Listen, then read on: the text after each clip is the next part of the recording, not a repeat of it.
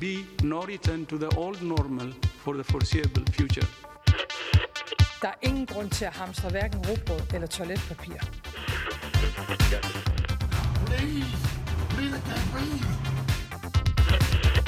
No politician in history has been treated worse. To use this beautiful game to actually change the world. поблагодарить всех, кто сделал свой ответственный выбор. We will succeed, and that success will belong to every one of us.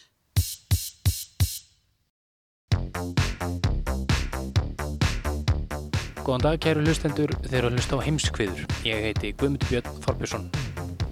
Og ég heiti Birta Björnsdóttir. Í heimskviðum er fjallað um það sem gerist ekki á Íslandi.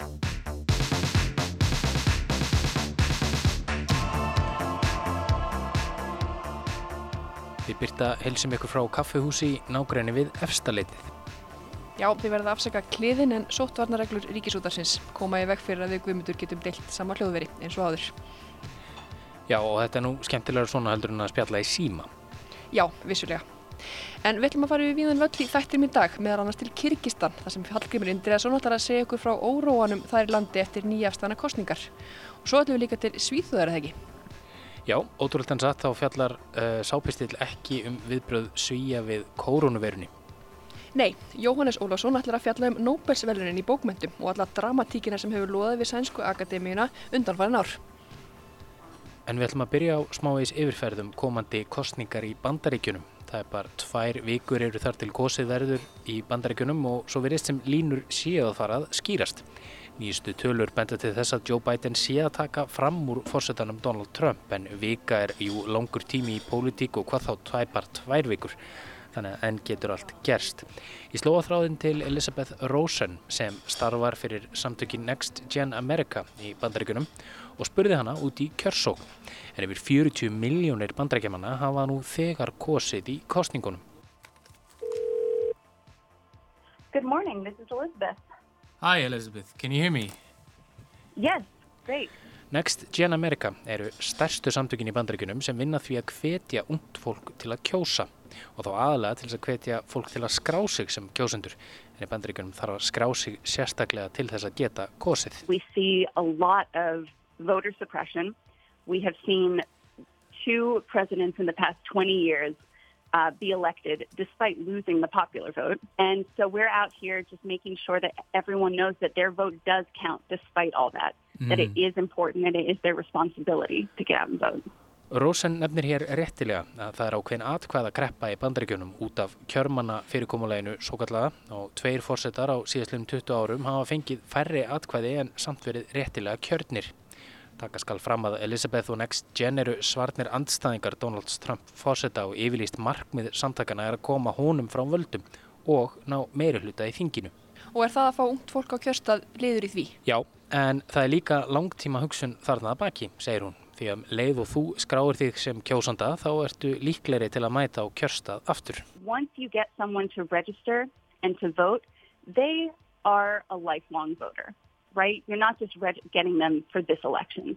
That starts a habit that makes them civically engaged for the rest of their life. And we really need that in America. Right now, our average voter turnout rate for a presidential election is like just a little over 50%.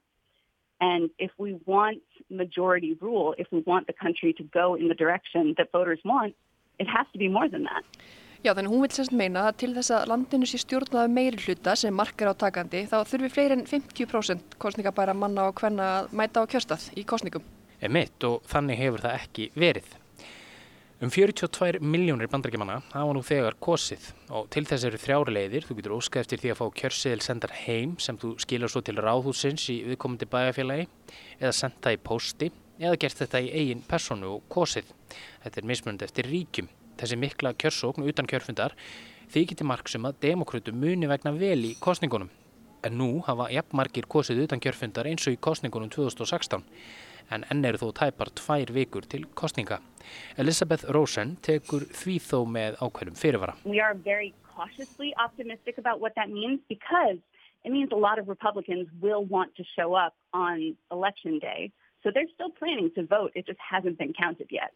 Emitt, það má ekki gleyma því að republikanar munu fjölmenna og kjósa á sjálfum kjördeginu. En eins og þú nefndir aðan þá mælist bætinu með samkvæmt nýjustu konunum ívið meira fylgi, jafnveg allt upp í 10%. Hvað saði Rósun um það? Hún tók því sömulegis með fyrirvara og benti á að svona skoðanakannanir geti breyst eins og hendi sé veifað.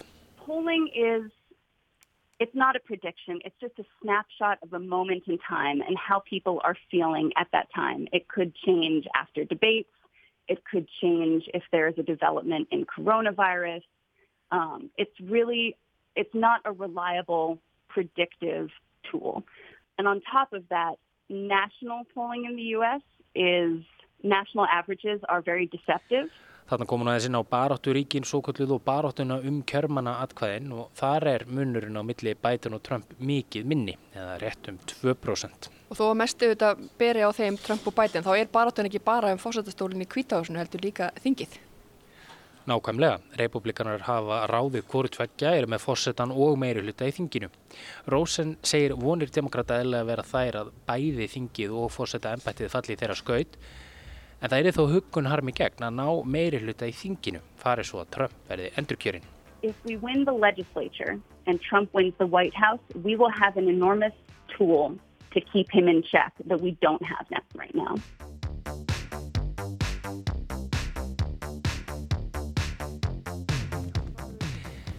En við segjum þetta gott af bandaríkunum í Bili og höldum til Svíþjóðar. Jú, því Nobelsvelun í bókmyndum hafa staðið á krossgötum frá árunnu 2017 eftir nexlismál og spillingu. Félagi í Sænsku Akademíunu var sagaður um gróf kynferðisbróti í kjölfar MeToo-byltingarnar og einnig sagaður um að hafa brotið ímsar aðra reglur Akademíunar. Uppráð þessu hefur verið pressa á að reyna að læja öldurnar og endurheimta traust. Það gekk ekki árið 2019 eftir að tveir höfundar voru valdir, annar með mjög umdeldar pólitíska skoðanir og sögurskoðun.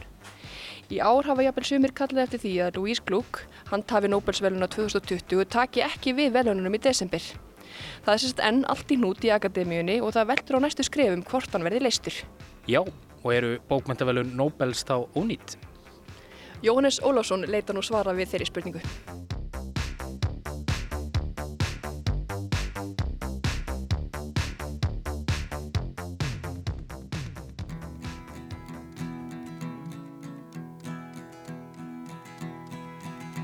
Oh, been my blue-eyed son. Mina damer och herrar, hjärtligt välkomna till Svenska Akademin. Akademin har just haft sammankomst och beslutat vem som ska tilldelas årets Nobelpris i litteratur. Nobelpriset i litteratur år 2016 tilldelas Bob Dylan.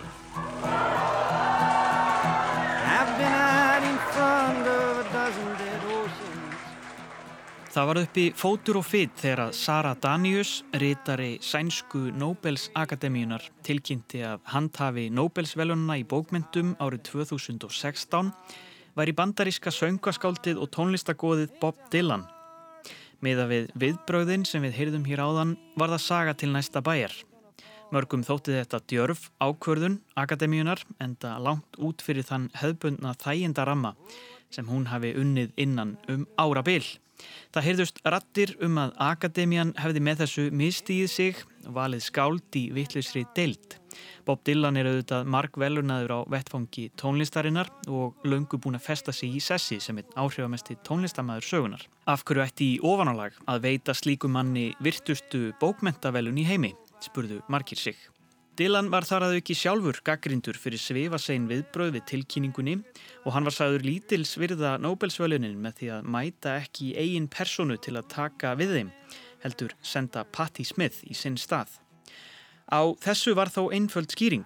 Það náðist ekki í Dylan en það beigðan ekki við síman eins og fjöldi merkara rittöfunda gerir á þessum tíma árs og hann mætti ekki í aðtöfnina því hann var upptekinn. So guns and sharp swords in the hands of young children Helsta áhersla Söru Danius sem rittara, fyrsta kvenkins rittara akademíunar, var að nútíma væða Nobelsvölunin, hrista örlítið rikið af þeim og kalla eftir auknu gagsægi í störfum hennar. Sara lést árið 2019, 57 ára að aldri, eftir langa baráttu við brjóstakrappaminn. En á þeim árum sem hún satt í akademíunni markaði hún djúb spór í starf hennar og var í auga stormsins sem geysað hefur um bókmyndavelunin síðustu þrjú ár eða svo og sér valla fyrir endan á. Velunin hafa staðið á krossgötum eftir nexlismál og spillingu sem betur verður vikið að hér á eftir. Val Akademíunar árið 2019 vakti líka nexlan margra og einhverjir hafa jafnvel kallað eftir því að Louis Gluck, handhafi Nobelsvelununa í ár, taki ekki við velununum í desember. Það er sem sagt allt í hnút í Akademíunni en og það veldur á næstu skrefum hvort hann verði leistur.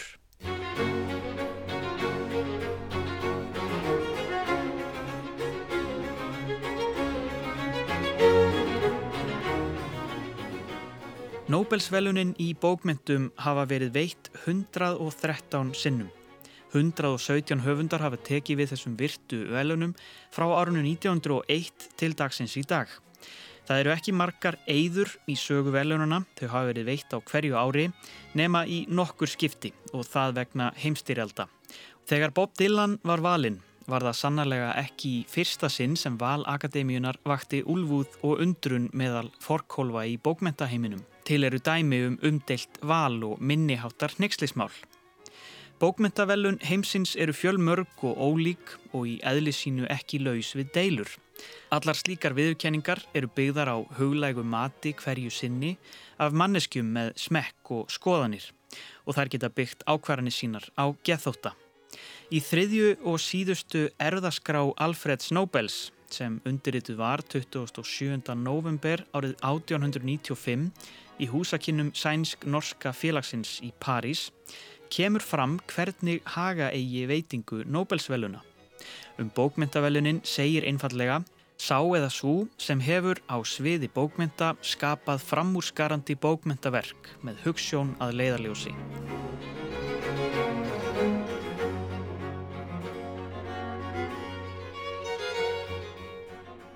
Í árana rás hefur enda þessi stopnun verið tákn um traust og hlutleysi og nær óumdeildur domstóll bókmenta á Vesturlöndum sem og víðar.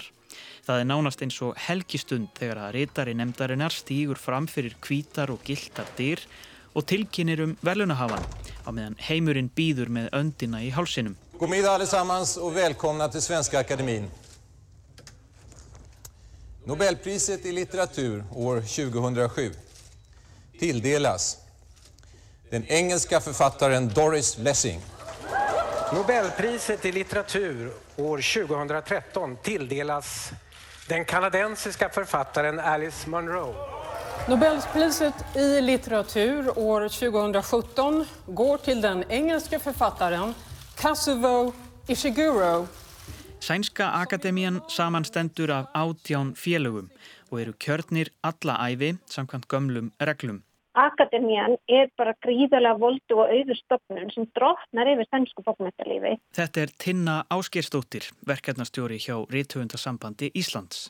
Það er þannig að sæti átján manns og þetta eru rítuhundar, ljóðskáld, fræðiminn og bladamenn. Allt fólk sem þykir fremstu röð á sínusviði og fólk sem að hekkur á frama í þennskum bókmyndum, það getur átt allt þitt undir akademíinu. Hún getur lagt blessun sína yfir því sem reythöfund eða fræðumann. Hún veitur alls konar styrki sem höfundur og fræðumann er háðir. Og fyrirkomulegi þannig var alltaf þannig að fólk var skipað ægulátt og það gaf ekki sagt úr akademíinu. Þeir sem vildu ganga úr akademíinu þurftu einfallega að hætta, mæta og vikulega fundi og stóð þess stóð þá auður.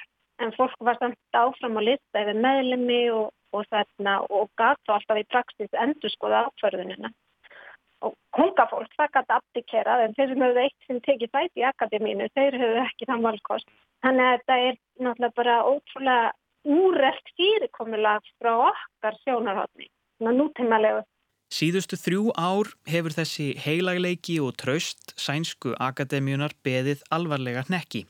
Svo langa og flókna atbyrðarás síðustu þryggja ára hefur verið rakin oft og vel meðal annars hér á þessum vettfangi. En í stuttumáli eru vandraðinn tilkomin vegna viðbræða og viðbræðsleysis við ásökunum á hendur Jean-Claude Arnault sem átti sæti í Akademíunni. Í kjölfar MeToo-byltingarinnar í áslokk 2017 sökuðu ádján konur Arnó um gróft kynferðislegt ofbeldi og áreitni. Dagbladið Dagens Nýheter byrti viðtöl við konurnar ádján sem stegu fram og lístu kynferðislegri áreitni Arnós sem hafi áreittar og beittar ofbeldi um ára byll. Arnaud var einnig sagaður um að hafa ítrekkað lekið upplýsingum um handhafa Nobelsvölunna áður en nöpp þeirra voru formlega tilkynnt. Hann og eiginkonu hans, Katarínu Frostensson, var gefið að söka að hafa misnotað fjö og egnir akademíunar, enda jú miklir peningar í umferði kringum hana.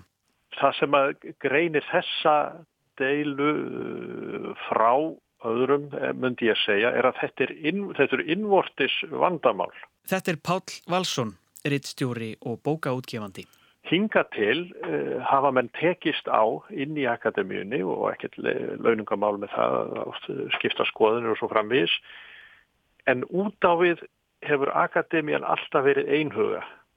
Og ég mann uh, þegar ég las í, í, sænsku blaði uh, harða árás Hórasar Engdal, akademíumæðlims á Söru Danius Eh, með minni að hann sagði að eh, hún væri versti rítar í akademíunar í sögunni, að þá hugsaði ég, heyrðu, þetta er komið á alveg nýtt stig. Akademíu meðlimur eru fartir að gaggrína hver annan ofinbellega. Þar með var komin upp mjög alvarlegu klopningur og það var hann og það var það sem að ógnaði sjálfur tilvist akademíunar. Stóru nextleitmálinn í kringum akademíuna núna undan fyrir nátt virðist bara með að reykja til pínu lítill að klíku sem hefur haft gríðarlega völd í þörngu bókmæntalífi og þar erum að tala um hjónin Jean-Claude Arnault og Katarínu Frostensson og nánustu vini þeirra til að mynda fórastengdal.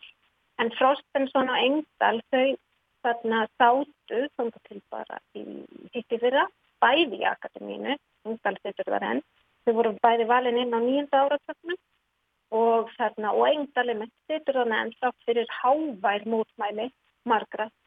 Það sem gerir sko 2000 og höstu 2017 er að það koma upp þarna í kringum MeToo koma upp ástakanir að hendur Jean-Claude Arnault. Hann er eiginmaður Katarínu Frostensson sem er benstlegu skald og þarna á Sveitri Akademíni.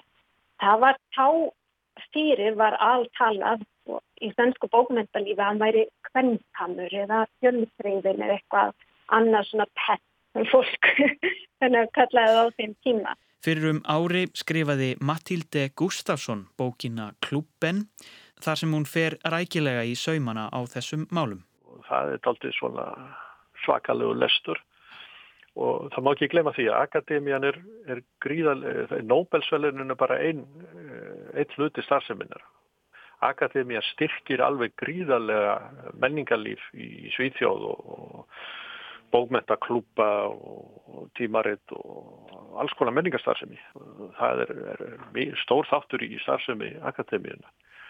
En eh, Arnó þessi kemur nú ekki vel út úr bókinni, virðist nú vera skuggabaldur að hann einhvern veginn e, notfæri sér þetta í gegnum konu sína og stopnar þennan bókmentaklúb sem er svona framsækin og, og, og skáld vilja koma þarna á listamenn en hann bara misnotar allsitt svífurðilegar.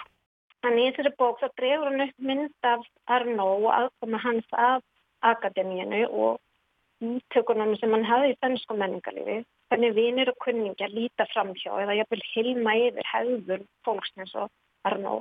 Og að mörgleiti þá má reykja vandræðin sem Akademíana Nobelsvöluninni eru í núna til Arnó og hans nánustu vinna. Hann Gustafsson drefur upp þess að mynda af Arnó sem algjörum mítomann, hann er líðasjúkur, hann er algjörlega stiðblindur og þegar hún fyrir að grafast fyrir um forstiðan, hann hefur svona búið til stóra hetju mynda sjálfum sér, miklum listamanni og gáfuminni að þegar maður fyrir að skoða þessa heitjumend sem mann hefur skapað á sjálfhansins í fennsku menningarlífi þá kemur í ljós að það er ekkert á bakveðarna. Þetta er bara einn allsherja blekking og hún ferðast meðal annars til Frakland til að grafa upp eitthvað sem getur öll stóðum undir hitt og þetta sem alls nú hefur haldið fram. Hann hafi stundan námið vista háskóla, hann hafi sitt í fóngilsi fyrir að neyta gegna herskildu, hann hafi verið óperustjórun skeið og hann hafi unnið sem aðstofamæður og hægri hönd leikstjórun Sjón Lúkótar og hún finnur bókstaflega ekkert sem staðfyrstur þessar frásagnir. Þvert á móti það er þetta allt uppspunni fyrir öll hans fórstíð.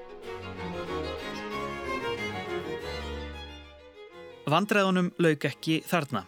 Augu heimsins fyldust grant með hverju skrefi akademíunar í kjölfar þessa neykslismáls og ákveði var að veita ekki Nobelsvölunin í bókmyndum árið 2018 til þess að reyna að læja öldurnar. Nobelstopnunin gerði miklar breytingar á því hvernig velunahafar eru valdir. Sett var að fót sérstök nefnd sem velur velunahöfundana með akademíunni og þannig hefur það verið síðustu tvö ár þótt óvist sé hver næstu skref verða. Tvenn velun voru veitt árið 2019 með þessari nýju valnemnd fyrir árið 2018 og 2019. Þá var komin mikil pressa að velja höfund sem ruggaði ekki í bátnum eða illi óþarfa uppnámi. Þau sem hlutu velunin þá voru Olga Tokarsjúk frá Pólandi og Píter Hanke frá Östuríki. Það reyndist ekki óumdilt val, bæði vegna þess að velunahafarnir eru bæði kvítir Evrópubúar en nafn Hanke á skjálinu stuðaði einnig marga. Hann hefur löngum verið sagaður um að bera blaka af stríðsklæpum serba í Kosovo-stríðinu. Hann er náttúrulega ekkert mjög pólitískur höfundur í sínu höfundaverki framannar. Hann, hann verið stega ættir reykit í Slófuníu, hann hafi ferðast um Júkoslavi og heitlast mjög af landinu, sérstaklega fjölmenningunni. En þegar Júkoslavi er fyrir að liðast í sundur, þá vilja vinir hanska meina að hann hafi tekið að nærðið sér. Að þau eru að horfa eftir samfélagi sem hann hafi haft einhverju svona balleg og einlega aðdóðana. Og svo sendir hann frá sér verk 96 sem heitir A Journey to the Rivers, Justice for Serbia. En hann hafi fyllt með fréttaflutningjastriðinu og, og þótt hann einhliða og hann vildi sína flóknari mynd af þessum heimi sem hann þótt svona vantum. Og hann segir sjálfur meðal annars að hann hafi viljað rannsaka hvernig fjöldamorðin í Srebrenica gátt átt sér stað. Þetta umdelda val gefur vísbendingum að þar hafi Horace Engdahl nokkur haft hvað mest um valið að segja. Engdahl var skipaður í Akademíuna árið 1997 og tilherir eldri og íhaldsamari armi hennar. Hann útúðaði þeim sem viku sæti eftir að ásakanir á hendur Arnó voru byrtar og helt upp í vörnum fyrir hann þar að auki. Hóras var svona þeirra óska drengur, ungur og snjall bókmyndafræðingur og hann, hann kemur þarna inn á tíunda áratögnum, svolítið eins og ferskur vindur og, og er orðin sko rítari bara tveim árum síðar.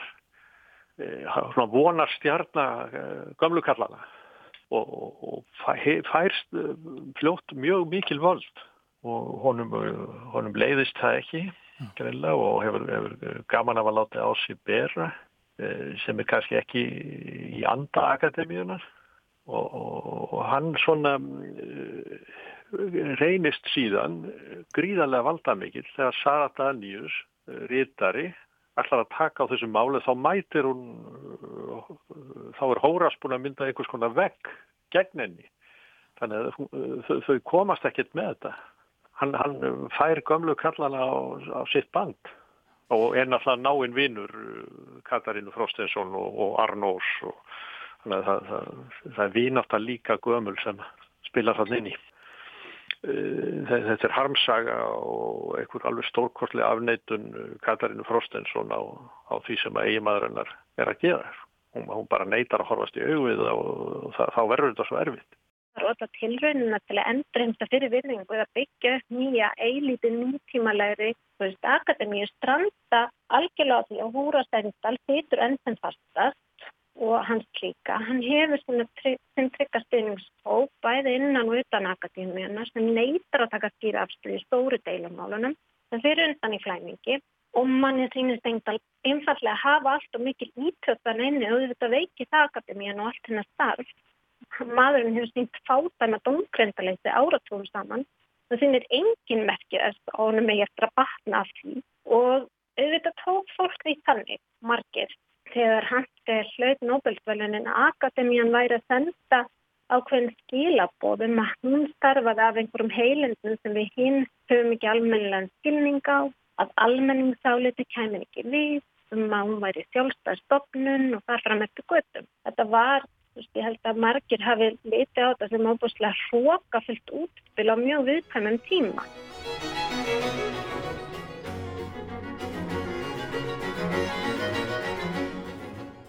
Nobels velunum í bókmentum hefur tvísvar verið hafnað.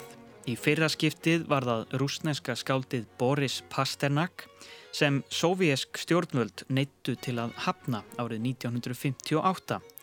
Hann fekk þær upplýsingar að ef hann færi til Svíþjóðar og tæki við velununum ætti hann einfallega ekki afturkvæm til Sovjetríkjana. Franski heimsbyggingurinn og rítöfundurinn Jean-Paul Sartre er án efa þekktastur fyrir að hafna Nobelsvelunum í bókmentum og sá fyrsti sem gerði það sjálfviljur. Hann hlaut veluninn árið 1964 en sagðist vera á móti formlegum viðurkenningum. Það er stopnarnavættu höfunda og dræju úr þeim þróttin til að skrifa. Puisque j'ai été désengagé, alors la société bourgeoise voulait bien ne pas tenir compte de mes erreurs passées. Elle voyait là un aveu et elle me donnait le prix Goncourt, le prix Nobel. Elle vous pardonnait Elle me pardonnait et elle considérait que j'avais droit au prix Nobel, ce qui me paraissait monstrueux. Sartre segir þarna að velunin séu leið hinnar borgarlegu elitu til að hilma yfir pólitíska virkni spekingsins á árum áður og sletta úr á rótækni hans. Svo saga gengur einnig um Sartre að þó hann hafi hafnað velununum hafi hann gengið á eftir velunafínu. En í augum flestra eru Nobelsvelun heiður og þeim tekið fagnandi. Nobelsveluna hafin í ár, bandaríska ljóskáldið Louis Gluck, er þar á meðal. I don't know really what it means and I, I don't know whether, I mean it's a great honor and then of course I the recipients I don't admire, but then I think of the ones that I do and some very recent. Hún er 16. konan sem hlýtur þessi velun og valið á henni hefur ekki íft neinar öldur, svo að segja. Hún er gott skáld og vel að velununum komin. Bandaríski bladamæðurinn Peter Maas hefur aftur á móti kallað eftir því að glögg hafni velununum vegna nexlismála síðustu ára. Hann segir bara reynd út akademían fjórins viðspilt stofnun og að Louis Gluck eigi aftakka velunum. Hann sýnir við reynda skilning að það geti verið erfitt fyrir ljóskáld að aftakka 150 miljón krónavelun en hann stengur til dæmis upp á nóti þessi stað hvert hækifæri til að gaggrina Svenska Akademíuna. Og hann bendir á að Svenska Akademíun sé bara ekki hægt til að velja handhafa mikilvægastu bókmæntaveluna í heimi. Að eina leiðin fram á við sé að skipta út þeim meðlumum sem hafa átt það stærstam sátt í þessum hnyggslismálum sem hafa skikið Akademíuna síðustlega ár. Og svo bendur hann auðvitað líka á að það sé engin lausn að skipta bara út þessum sviðspiltu meðlumum því fyrirkomulægir þar sem meðlumum sitja æfi lág verður til þess að það er ekkert sem veitir þeim aðhald. Það er hann leggur bara til róttaka uppstokkun á Nobelsvölanum í bókmyndum.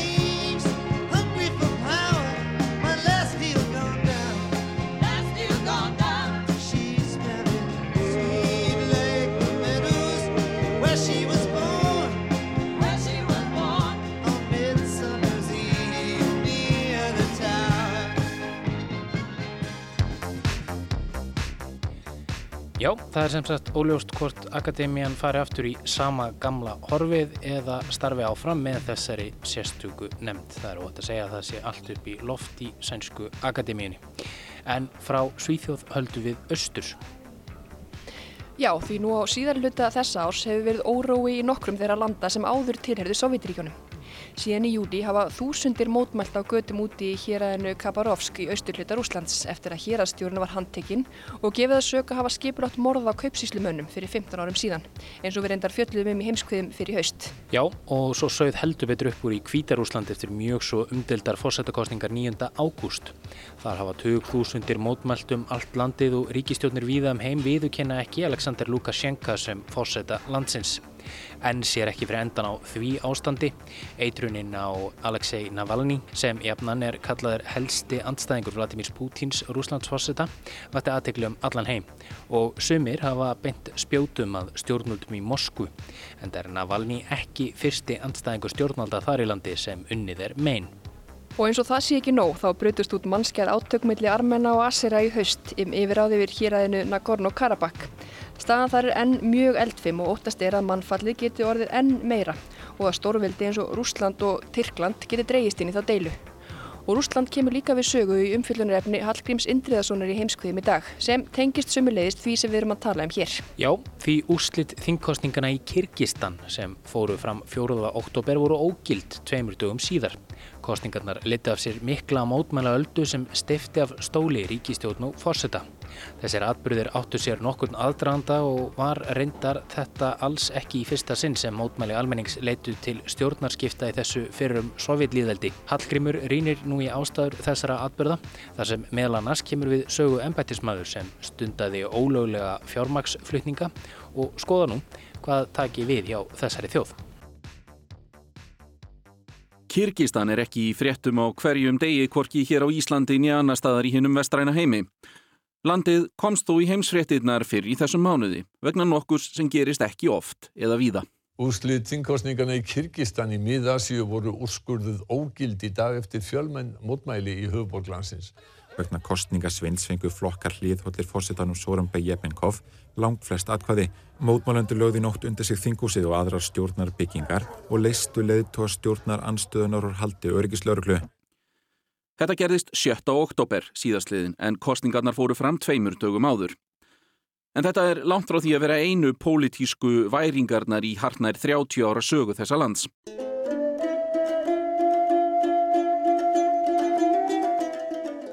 Órói hefur reglulega verið í kringum stjórnmálaleðtóa í aðdragandanum að þessari ógildingu kostningana og því sem á eftirfylgir koma meðal annars við sögu fyrirverandi fósetti sem vann gegn eftirmanni sínum, maður sem fór úr fangelsi í valdastóla á nokkrum dögum og embætismadur sem flutti stór fjö úr hagkerfinu í Kyrkistan og sama tíma og hann fjármagnaði fósetta frambóð manns sem að sjálfsögðu refti embætið.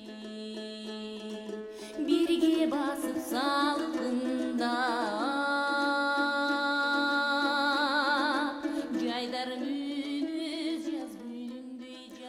Til að skoða þetta í heildarsamhinginu væri hægt að fara aftur til þess þegar Kyrkistan fekk sjálfstæði á sama tíma og flest önnur sovjetlýveldi árið 1991. Bæði árið 2005 í Tulipanabildingunni svokölluðu og 2010 hrökkluðust sitjandi fósettar frá völdum vegna mótmæla almennings. Og nú hefur það gerst í þriðja sinn. Berum þessi þrjú skipti nánar saman á eftir. En hér ætlum við að láta næja að fara aðeins aftur til þess þegar síðasti fósetti, Surunbæ Jenbekov, tók við völdum árið 2017.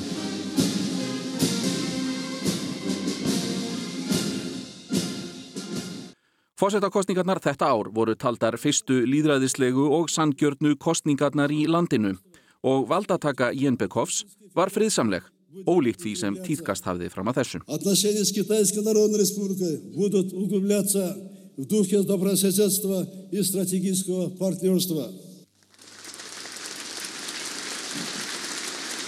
Jenbekov var í raun handvalin af forvera sínum, Almasek Atambayev, sem hafði verið fórseti í sex ár.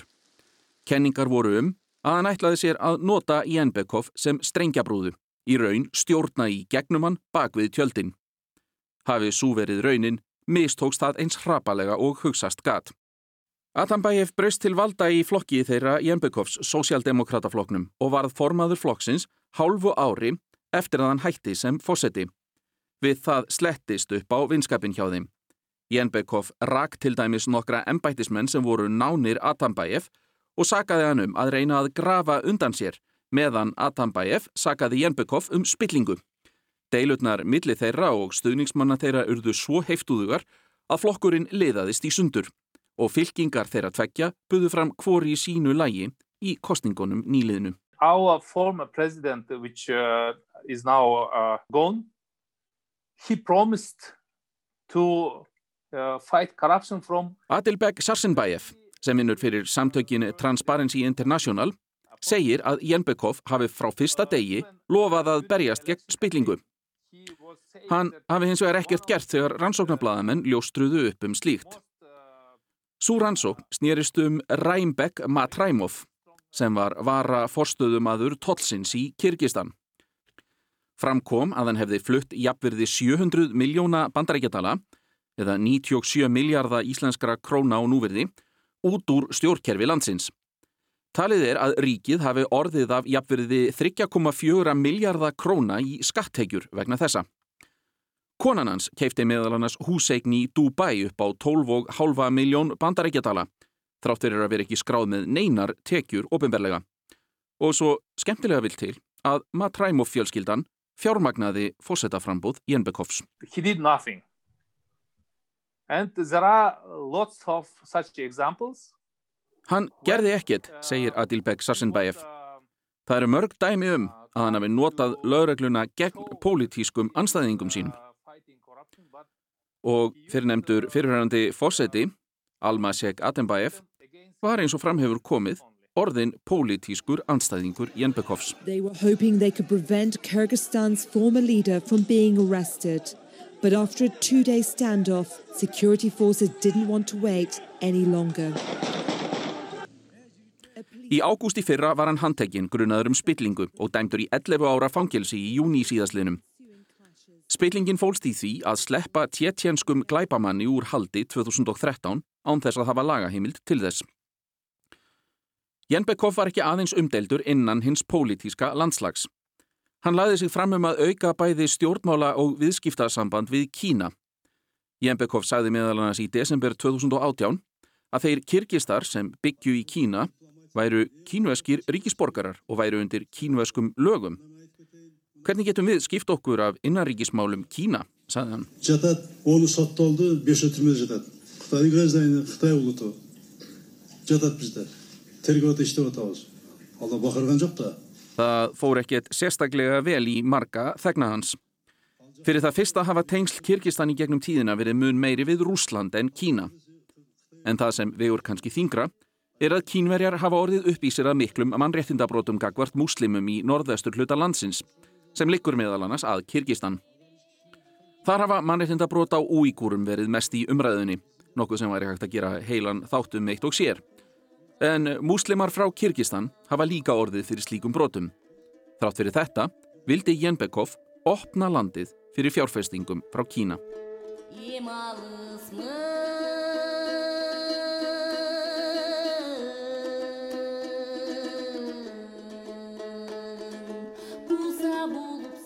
Þingkostningarnar fóru fram 4. oktober síðastliðin eins og áætlað var.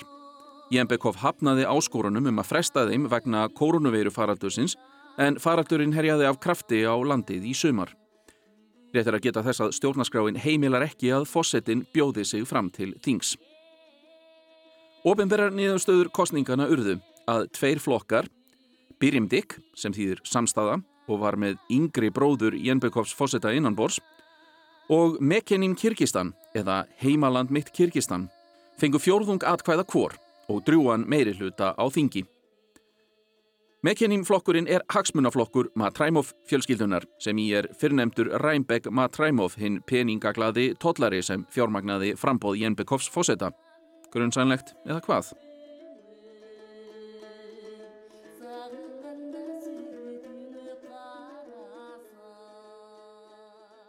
Í þokkabót fekk annar stuðningsflokkur Jenbekovs, sem held einfallega Kirgistan, tæp 9% atkvæða. Þessir þrýr flokkar tryggðu sér þar með 107 af 120 þingsætum. Aðeins fjórir af 16 flokkum í frambóði komist á þing, þar sem reglunar kveða áum að það þurfi að ná 7% atkvæða til að ná inn manni. Sá sem var næstur því var skráður með 6,96% atkvæða. Sarsenbæf segir að þarna hafi fólk fengið nóg. and therefore uh, people were protesting because uh, it was so obvious that they they they are uh, falsificating uh, the voting process. Þetta var til þess að fólk þusti út á götur því að það var augljóst að þarna var verið að falsa kostningaúslitin. Mótmæli vegna úslitana hófust aðeins nokkrum klukkustundum eftir að tilkynnt var um úslitin.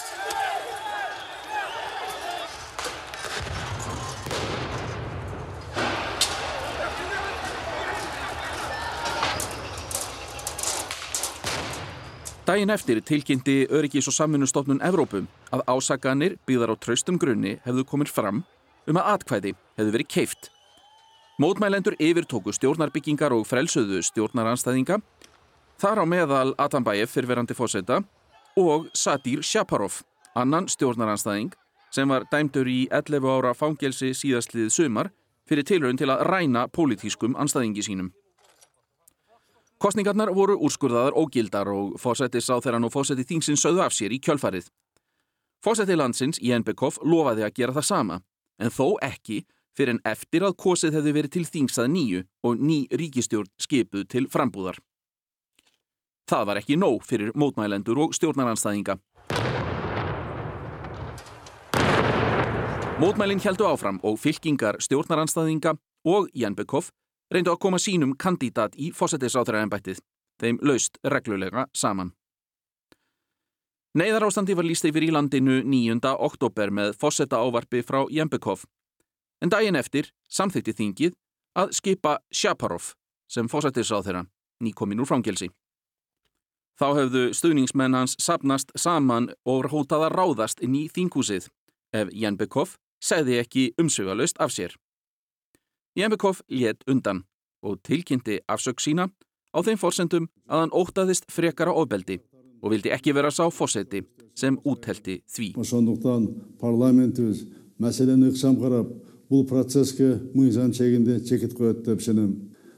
Jembekov sagði meðal annars, kæru landsmenn, Kyrkistan er stjórnað eftir lögum, deilur á að leysa innan ramma lagana, ekki undir pressu. Ég hvet ykkur til að hlýða lögunum við sínum visku okkar og yfirstígum erfiðleika. Við stöndum vörð um samheldni kirgísku þjóðarinnar. Shaparov tilkynnti stöðningsmönnum sínum svo gleði fréttinnar.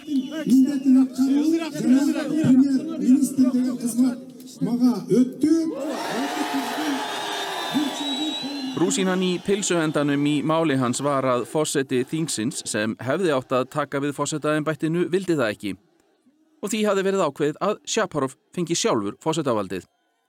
Hann hafði því farið á nokkrum dögum frá því að sitja í fangelsi yfir í að verða bæði fósettisáð þeirra og fósetti Kirgistan. Eins og áður sagði er þetta í þriðja sinn á 15 árum sem fósetta er steift af stóli vegna óánægju almennings. Adilbek Sassenbæef segir að eins og í fyrir skiptin sé ástæðan vantraust á þjóðarleitoga sem oftar en ekki tengist kostningum og að menn hafi áhrif á þær með vafasömmum hætti. Þá mótmæli þeir sem fylgi stjórnaranstöðunni að málum.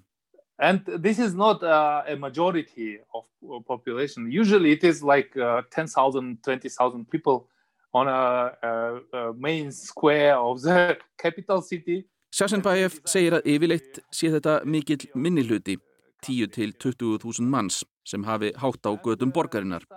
En nú hafi það ekki verið þannig.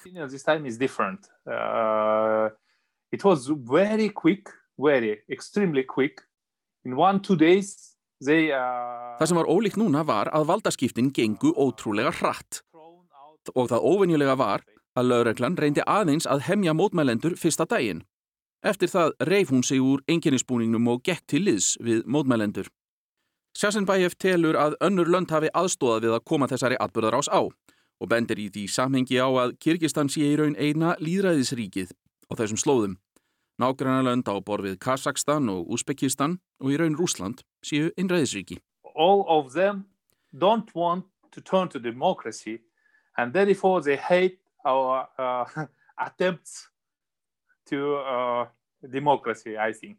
Ekkert þeirra vill verða að líðræðisríki og því eru þau ekki hrifin af líðræðistilburðunum í Kyrkistan. Því hef ég trú á því að eitthvert þessara landa hafi haft áhrif á þessa atbyrði. Frettaskýrendur segja áhrif rúsa hafa verið mikil á þessa atbyrðarás. Raumurulega ástæðan fyrir afsögn Jenbekovs hafi verið að honum mistókst að tryggja sér stuðning rúsneskra stjórnvalda. Ópimberlega sögðu þau að þau myndu ekki taka afstöðu í því hverjir ættu að vera við völd. En það þýtti í raun að rússar væru ekki tilbúnir til að styðja núverandi stjórnvöld. Þegar Shaparov hafði hins vegar skipað ríkistjórn, voru rússar fljótir að samþykja þá stjórn. Efasemdir hafa komið fram um að það standist stjórnarskrá landsins að sami maður gegni embætti fósetta og fósætis ráþeira. Meðal annars hefur Joseph Borrell, utanríkismálastjóri Evrópusambandsins, sagt að virða þurfi líðræðið í landinu. Svo virðist sem rússar steyðji þennan hraða uppgang Sjaparovs í valdastega landsins. Í það minnsta hefur ríkistjórn hans fengið blessun Kreml. Sjaparov lofaði að bóða til nýra kostninga og saði fyrst að þínkostningar erðu í desember og fósettakostningar í janúar. Í gær breytist það hins vegar.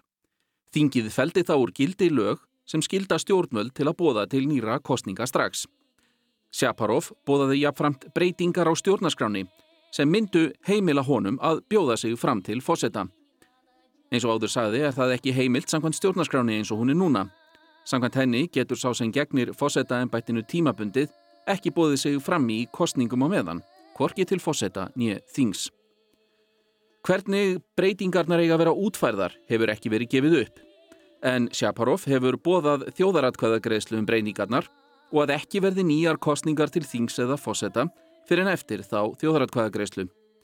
Sjaparov hefur þó gefið í skín að breytingarnar eigi að auka völd fósettans.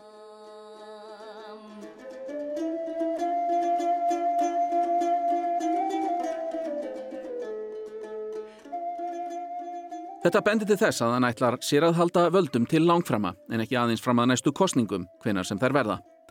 Hann hefur þegar látið til sín taka og á þriðjudag let hann til að mynda handtaka umrætan Ræmbeg Matræmov, tollaran sveiksama. Honum var hins vegar slefti nokkur um klukkustundum síðar þar sem hann bauðst til að greiða skadabætur. Hann er þó í farbanni og í stofufangilsi. Sjarsenbæjef vann með hinnum nýja forseta í áratug og ber honum ekkert sérstaklega vel söguna. Hann hafi átt erfitt með að skilja einföldustu hluti. He has a lawyer diploma, but uh, I'm not sure that this diploma is uh, a real diploma. Hann er með lögfræðipróf, en ég efast um að það sé nokkuð á bakvið það. Ímislegt sem hann segir er ekki í anda lagana, segir Shashenbaev. Og nefnir sem dæmi framann greint umæli að hann ætlaði að breyta kostningalögum svo hann geti tekið þátt í kostningum. Þá hafi hann skipað vinsinn yfir þjóðaröryggismá landsins sem bendi til þess að hann ætli að vera lengur við völd. Sjarsenbæjef segir nýja vald hafa að vera stórorða um að ætla að berjast gegn spillingu. Hann er ekki sannfærður. Það sem auki á vandræði landsins sé mikil halli á ríkisjóði og að önnur bylgja kórunuveirunar hefur nú hafið innreið sína í landið. Sjarsenbæjef er ekki bjarsýtn á að þessir valdhafar leysi þann vanda. Tilgangur þeirra sé aðeins að skara eld að eigin köku. Uh, management crisis in the country. I don't know. It, is for for normal guy. It is very difficult. I mean, to manage situation. They they came uh, to not to solve the situation. They just came to catch something for themselves.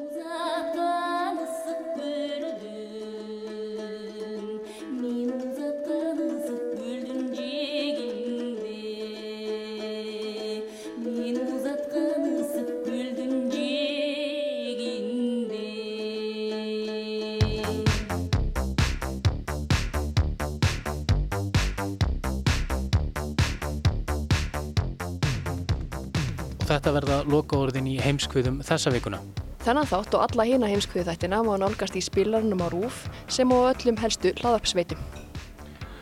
Og svo er þetta að lesa fréttaskýringar um öll efni þáttarins inn á webnum roof.is og svo má þetta hveti ykkur kæra hlustundur til að senda okkur línu á netfangið heimskviður.roof.is ef þið viljið heyra eitthvað sérstatt efni tekið til umfjöllunar. En við þökkum þeim sem hlítum. Og heyrumst aftur í næstu viku.